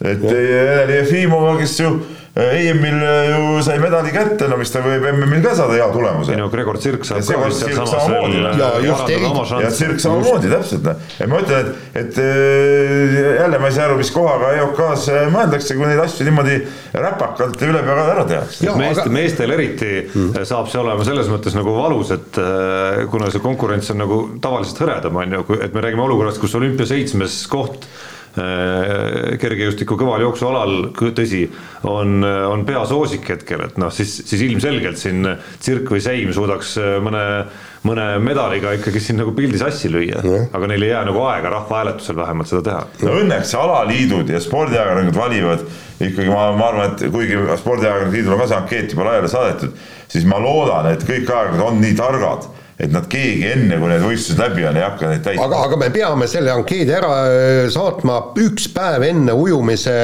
lõppu. jah. Ja, see on, see on sellepärast, et me ei jõuaks EOK-le õigeaegselt ära anda, järjekordne EOK kala, ütleme niimoodi. jah, et siin tuleb äh, mõelda, nii. Vahetame teemat, Rain Ratassepp sai oma kuuekümne, vabandust, Rait Ratassepp sai oma kuuekümne täispika triatloni läbimisega siis järjestikustel päevadel hakkama utsitasime, mis me utsitasime siin saates ikkagi mitte peatuma, vaid ikkagi nagu edasi, edasi minema, aga tundub, et ei tule, ei tule sadat ega kuutekümmet ühte isegi. nõrk või? noh, tuleb nii välja. No, no ei, mul on hea meel, ma lugesin Madis Kalveti intervjuud, äh, mis ta tegi äh, Ratassepaga ja mul on hea meel, et tema järgmine äh, väljakutse on ikkagi nagu päris võistlus. ma saan aru, et seal on ikkagi ju see, see, mis see viis järjest, eks ole, et seal on ju konkurendid ka ikkagi olemas, et see on nagu päris võistlus ja, ja, ja seal on nagu midagi jälgida ja midagi võrrelda ka, et okei okay,, see kuuskümmend, see on nagu tore asi, see on tema isiklik nagu eneseületus, väga võimas saavutus kahtlemata, aga võistlusmomenti ei ole, nüüd on nagu võistlusmoment ka ja, ja selle üle mul hea meel absoluutselt, nii. nii, aga nagu tavalist täispikka äh, võiks ka nagu tõsiselt proovida. aga see talle ilmselt ei sobi, sest tal ei ole niisuguseid äh, kiiruslikke võimeid nagu, et seda no see, see saakski olla nagu väljakutse no, ikkagi nende arendamine, täielik treening, nii... filosoofia ümbermuutmine ja nii edasi. ilmselt, ilmselt tal ei ole ikka keerusi selleks nagu, nii aga minu arust üks väga suur väljakutse, lihtsad väljakutsed Peep ongi igavad. jah, nõus. Äh, väga suur ohumärk oli siis ähm, möödunud nädalal, kui oli äh, Big Airi MK-etapp ja Kelly Sildaru ei saanud finalistide hulka, miks ma ütlen ohumärkiga, see näitas ära, et tema need hüpped ikkagi ei ole nagu päris sellel tasemel.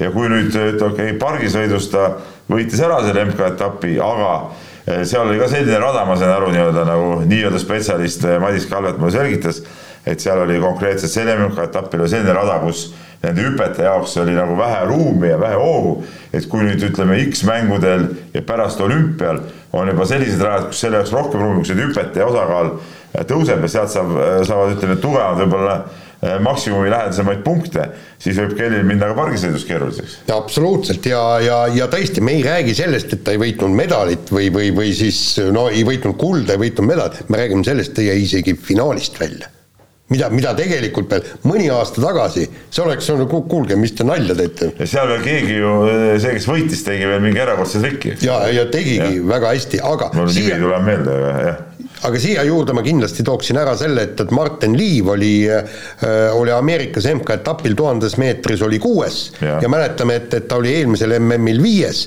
ja kusjuures tal jäi ju pronksist nõka-nõka puudu, nii et äh, ütleme niimoodi, et, et see Martin Liivi võimalus võita olümpiamängudel medal, see noh, ütleme niimoodi ta, ta on pig-, noh, ta ei ole ebatõenäoline, vot see oleks kõige õigem väljend.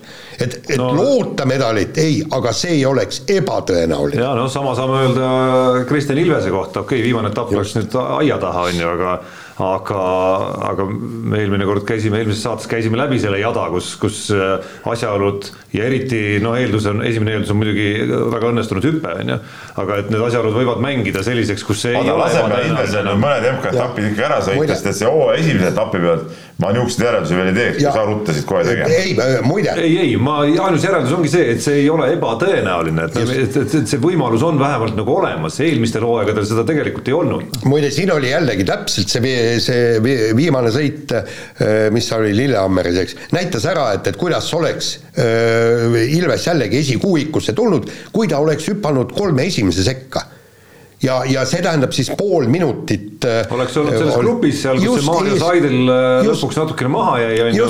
Ilves sõidab paremini kui Saidel vähemalt just, on sõitnud seni sellel hooajal ja ehk siis oleks olnud veel, veel lähemal. ja, ja kusjuures tema suusasõit, kuigi ta sai neljateistkümnenda koha, seal põrkas kellegagi kokku, suusasõit oli tema üks elu parimaid, sellepärast et kaotust võitjale oli alla minuti.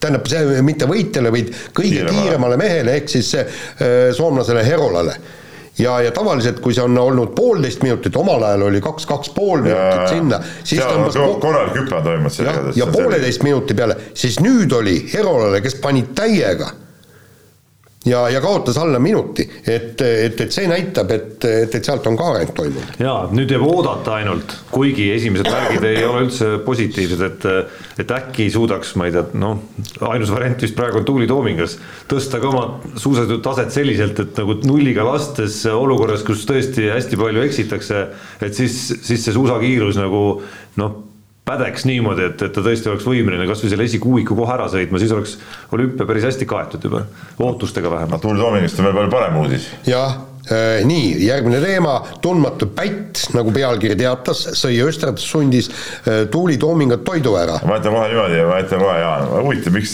miks inimestel tekkis niisugune küsimus. üks mu hea tuttav küsis mu käest, äh, kas Jaan oli Östersundis ja selle uudise peale. ja ma ütlesin, ei olnud, et ta oli seal Murdmaa etapis, aa, no selge, et, et muidu oleks olnud suht tõenäoline, et Jaan oli see, kes sai Tuuli Toomingu söögi ära?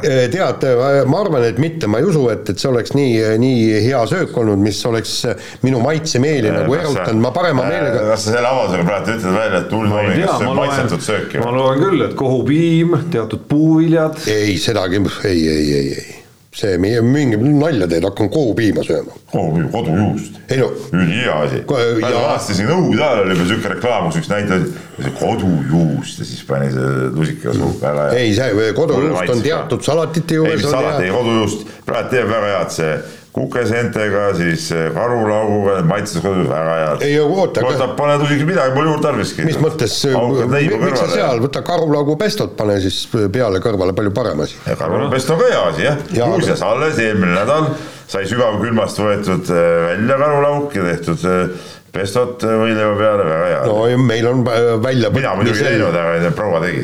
nii. Peebu selgrootus muidugi ka äh, nagu endale pahaaimamatult paljastus praegu, mäletad Jaan, kui paljud on rääkinud meie saate ajaloos sügis, sügiseti, kui mõttetud on kukeseened ja nüüd räägib siin uhkusega, kuidas ta ei. kodujuustuga kukeseeni. jälle, jälle vale, vale, kukeseeni korjamine on mõttetus, aga söömine on okei okay.. Ega ma ütlesin kukeseeni ma eraldi ei osta, nad on seal kui oleks kuuseriisikaga see, aga võib-olla see ongi kuuseriisikaga tegelikult, ma hakkasin praegu mõtlema.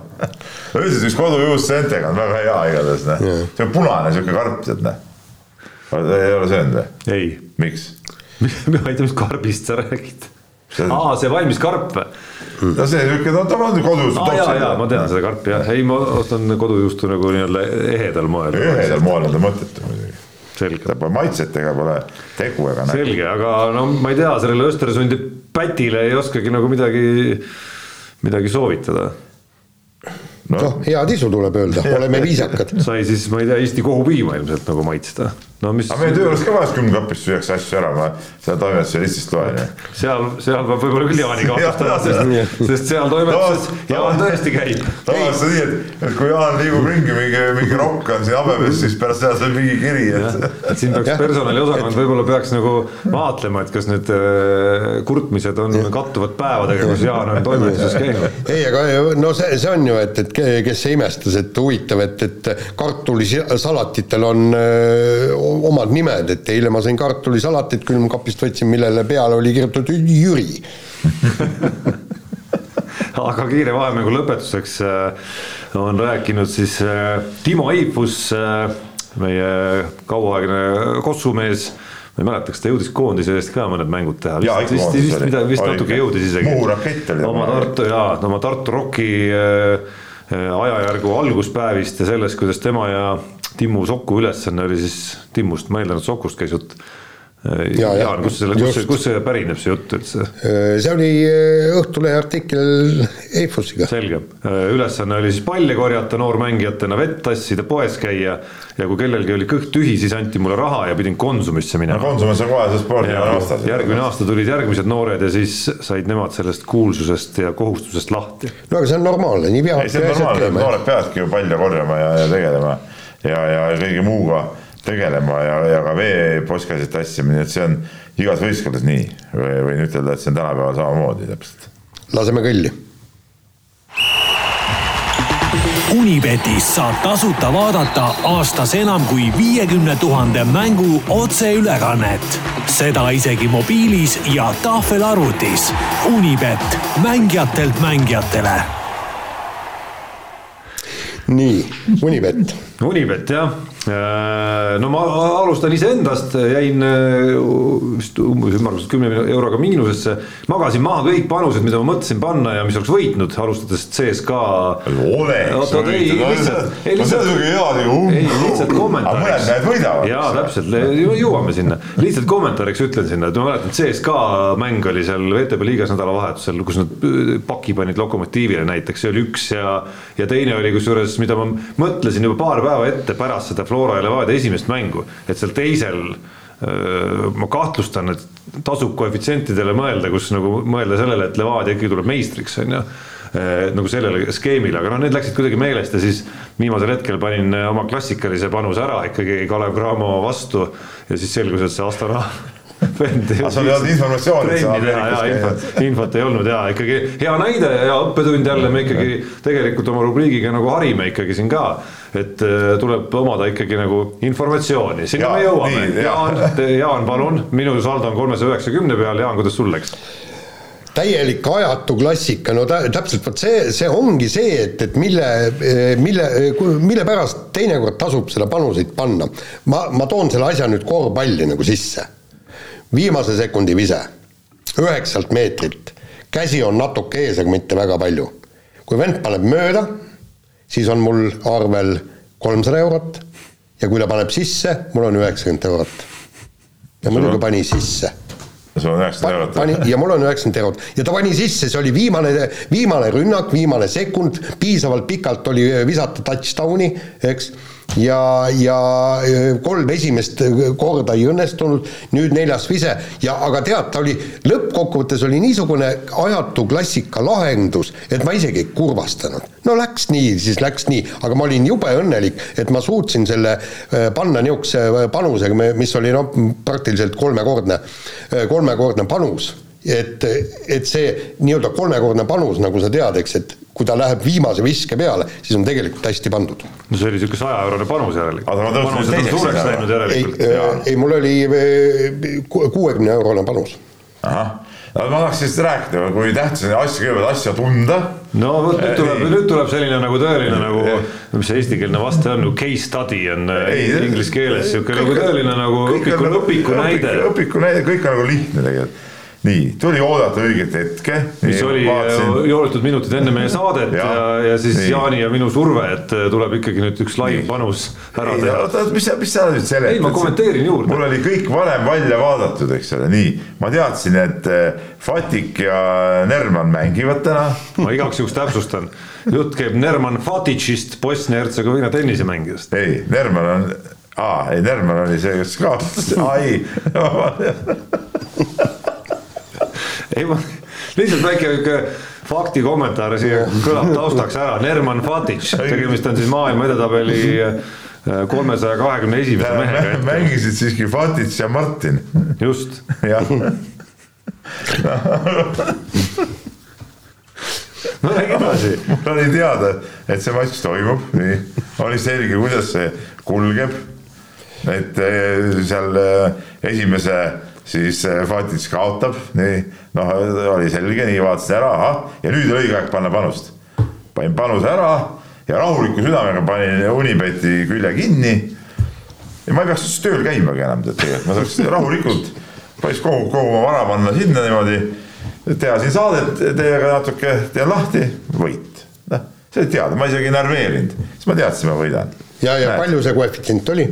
Nii, äh, see ei puutu asjasse, aga mul on nüüd sada seitsekümmend, kuuskümmend seitse. jah, noh, lihtsalt ma nagu mälu järgi mäletan, et koefitsient oli vist üks koma nelikümmend viis. lihtsalt, et oleks nagu nelikümmend kaheksa jah, et lihtsalt, et oleks nagu täis selline nagu tõde siin. et noh, kümme panin ja neliteist kaheksakümmend sain tagasi. no võimas. kuule, kuule, kui ma oleks näiteks pannud, ma ei tea, sada tuhat. noh, kui ma terve kuuteenistus oleks olnud kohe käes. no võib-olla siin, võib-olla siin. ma peakski selle tee peale minema. võib-olla siin buumi ajal rahakratid ja Jaak Roosaared äh, on näidanud paremat tootlust kui nelikümmend kaheksa protsenti, aga sina oled, ma ütleks kohe nende järel ikkagi nüüd. ja ma arvan küll ja, et siin nagu ütleme, et ma soovitan kõigile, soovitan kõigile. Endast eeskuju võtta nii, äh, eripanus ka, meedianute eripanus puudutab tänavatust korvpalli äh, et Peep, kui sa ühe koma neljakümne kaheksastest koefitsientidest siiski nagu väsid ja tahad natukene mingit suuremat väärtust, siis äh, äh, koefitsient, et Kalev Cramo võidab tänase mängu vähemalt kolme punktiga, on kaks koma viis. ja vaata, asi oli selles, ega mulle, ma olen alati öelnud ka, et ei ole mõtet panna neid väikseid koefitsiente, aga mul oli oma tagamõte oli ka siin jälle. vaata, aasta lõpp on praegu, meil on Unibetiga uued läbirääkimised teha, eks ole, et, et et ikka toetaks edasi meid. ja kui ma oleks pannud, ütleme niisuguse kõva koefitsiendiga, no me oleks ju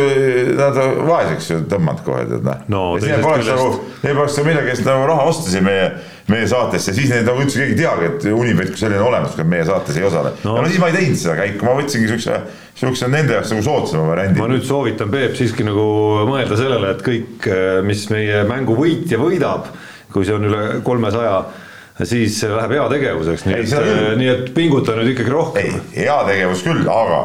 no kui sul tuleb sada tuhat heategevust. no mis Unibet ju pankrot kohe tead noh. Unibetil pole kindlasti kahju hea, hea, heategevuslikul otstarbel see välja käib. olgu, ma järgmine, järgmine teen siis kõvema panuse, nii, aga lähme kirjade juurde, kell on palju, on paar kirja võtta, kirju on palju ja kirjad on head ja kirjutab Mait meile et eh, kui jalgpalliklubil hakkab edaspidi Euroopas normaalselt teenima, võiks ta võtta korvpalliklubi kõrvale Flora kogemusi püramiidi ehitamisel saaks ju korvpallis ära kasutada, saaks lõpuks ka Eesti mängijatega tippklubi BC Flora no mis me arvame sellest, mis no, mitte, Barcelonad, Realid.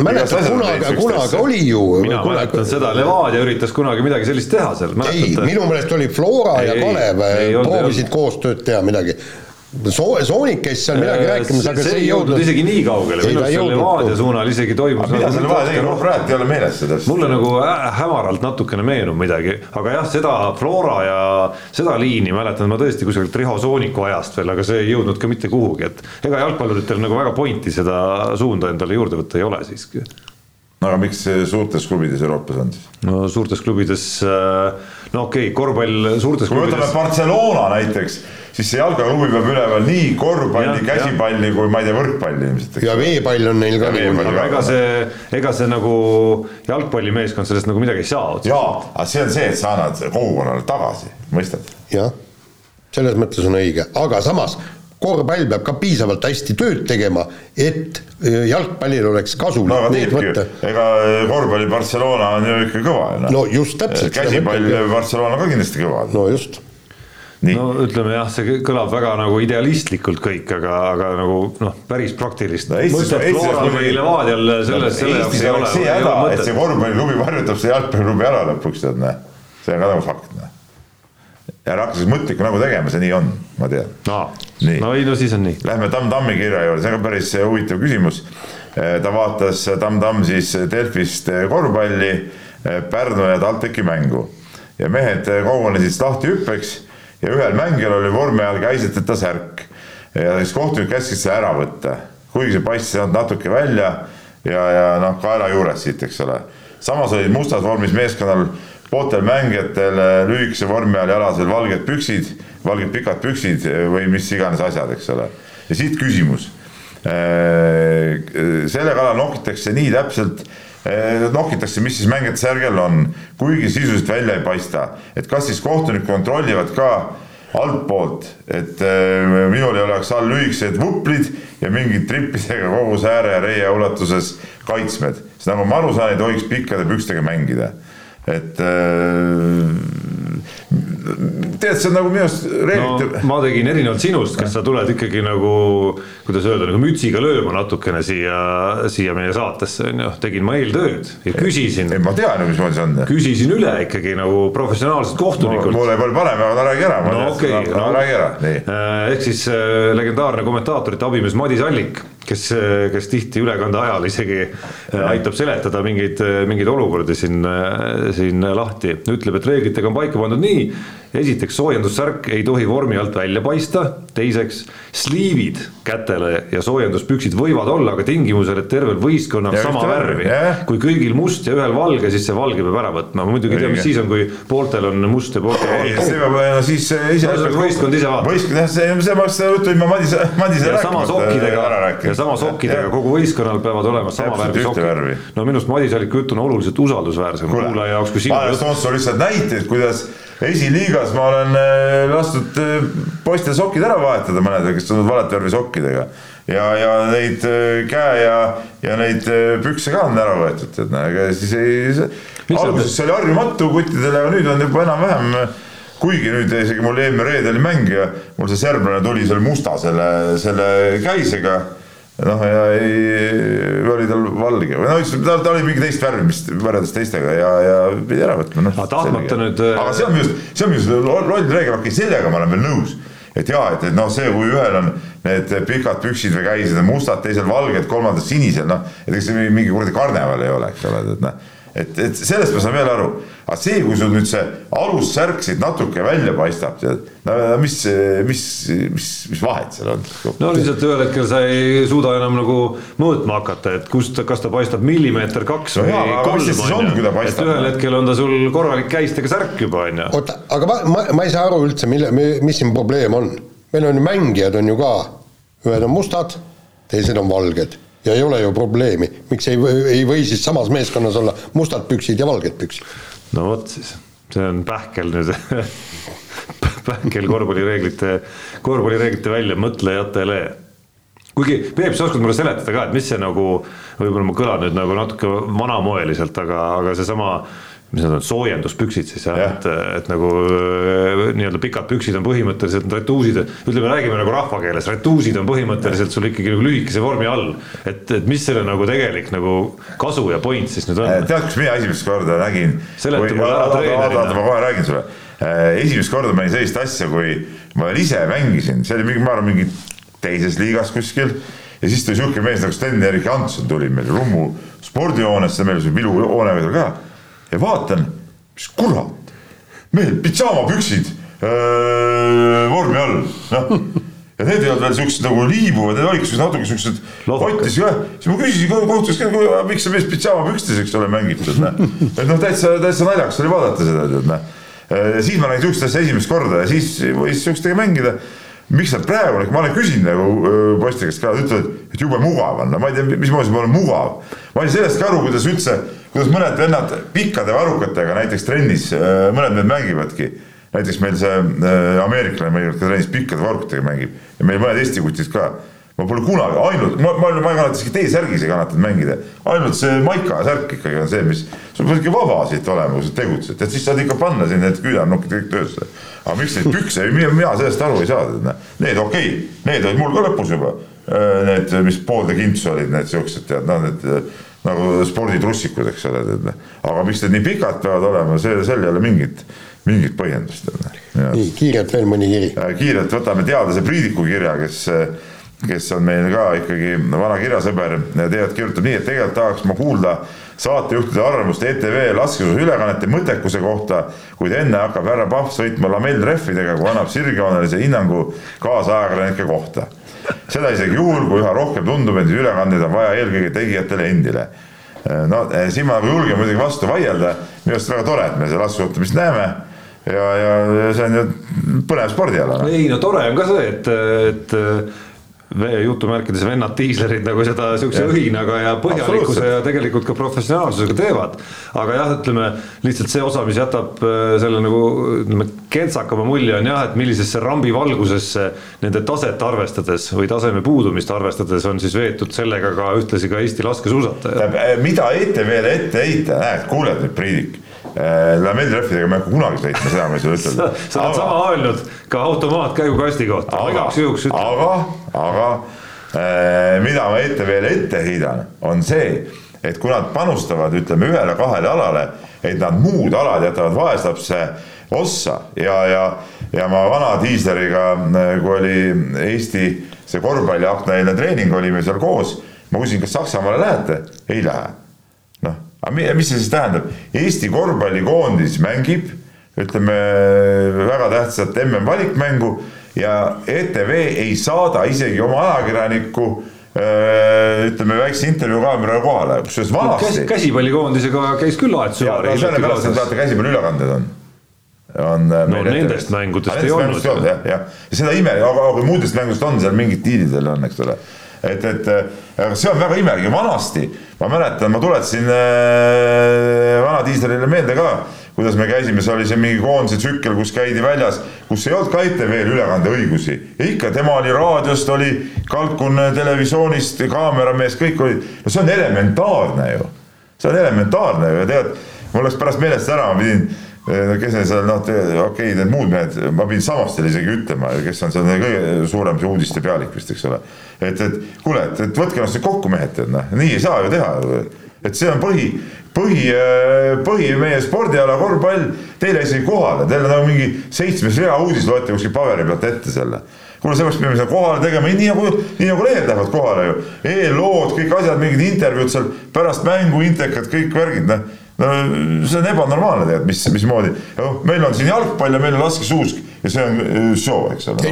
et, muust ei olegi vaja rääkida.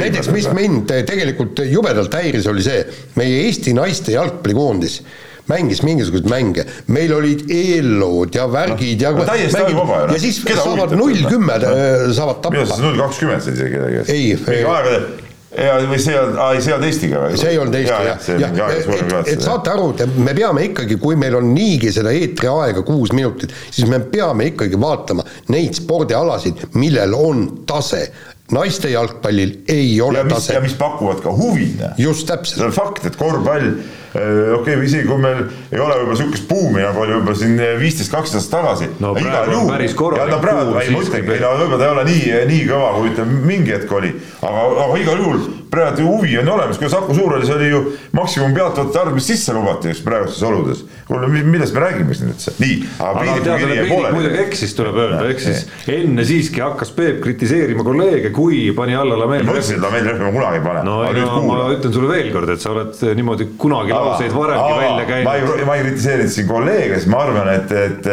ütleme, head sõbrad diislerid, no ütleme, nemad seda asja ei otsustagi, seal see kala mädaneb ikkagi natuke peast ja sealt roosest. ei, ei Roos, Roos on tore mees.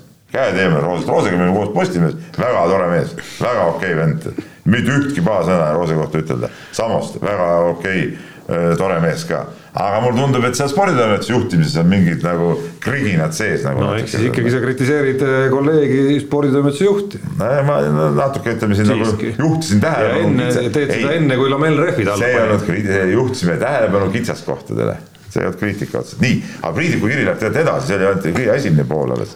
see küsimust veel ei olnudki, küsimus tuli nüüd siis nagu, kui ta arvas, et ma nagunii midagi sellest ei räägi, siis tuleb küsimus et vaadates Eesti nii-öelda klassikaliste talialade sportlaste võitlusi. hästi läksid, sorry, ma ikka pean segama korra, hästi läks õnge vaata, et tuli õigesti sõnastada Priidikul vaata see nagu konstruktsioon ja vend kohe viis minutit võttis ja kritiseeris, aga nüüd mine edasi. nii, eh, siis ehm, Eesti eh, sportlaste võitlusi lumel varustuse vormi ja rahvusvahelise imperialismiga siis on see kõik tekitanud ühi, ühe põhimõttelise küsimuse. kui on ikka näha, et aastast aastasse arengut ei ole ning osadel juhtudel on pigem märkimisväärne taandareng, siis kas ei oleks parem antud sportlase asemel anda võimalus mõnele noorele. isegi siis, kui see noor alguses ei jõua selle nii-öelda vana olija kohtadele, kuid kas on sisulist vahet, kas olla seitsmekümne kuues või üheksakümne teine.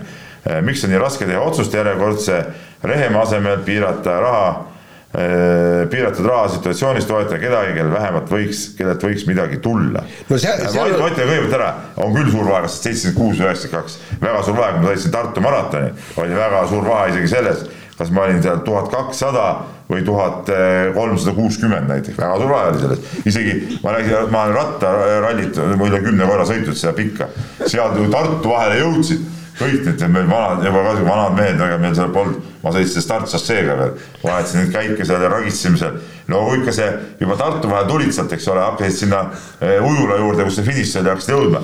Nüüd kõik vennad nagu tead, oh, mis räägivad seal noh, tore, see oleme lõpp, aga vaata, kõik panevad juurde, juurde, aa ikka mõnus on veel lõpus, ise silmakorras kogu aeg vaatad, et tead, saaks ikkagi enne seda venda üle kuidagi tead nagu sihukest avalikku sporti keegi nagu ei julgenud teha, aga kõik tõmbasid niimoodi, et lõpuks oli tead hea, et finissioonki nägid, ütlesid, et noh, et, et see väga tähtis on see, kas sa oled üheksasajas või üheksa esimene, ka see on tähtis, kui sa võistled, rääkimata sellest, kas seitsekümmend kuus või üheksakümmend kaks. muuseas, ma olen ühe korra esisajas ka vaata seal rallil see vist ära märkida siin praegu, nii, aga nüüd võiks, siis. me võiks vist rahulikult Jaan ära minna ja ta räägiks mingi kolm, kolme tunni pärast tuleme tagasi, käime lõunal ära, tuleb tagasi. oota, aga saate ajast kohe läbi, et nüüd võtame nüüd selle siis selle küsimuse, et eh, jah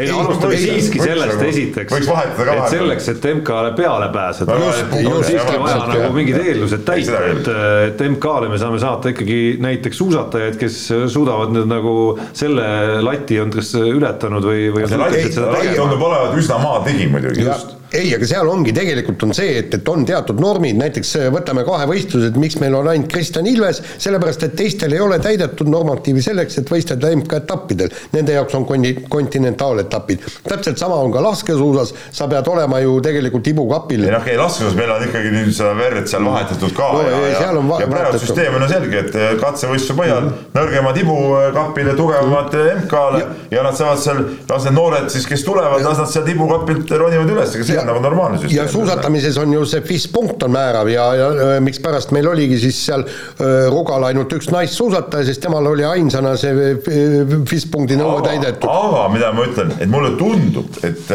mõnel meie talispordialal koosnevad koondised küll ka osaliselt ikka täiesti arenguvõimeta ja perspektiivitutest atleetidest. aga seda kindlasti. Sellega võiks lõpetada. ja sellega lõpetame. mehed ei nuta saate tõi sinuni Unibet, mängijatelt mängijatele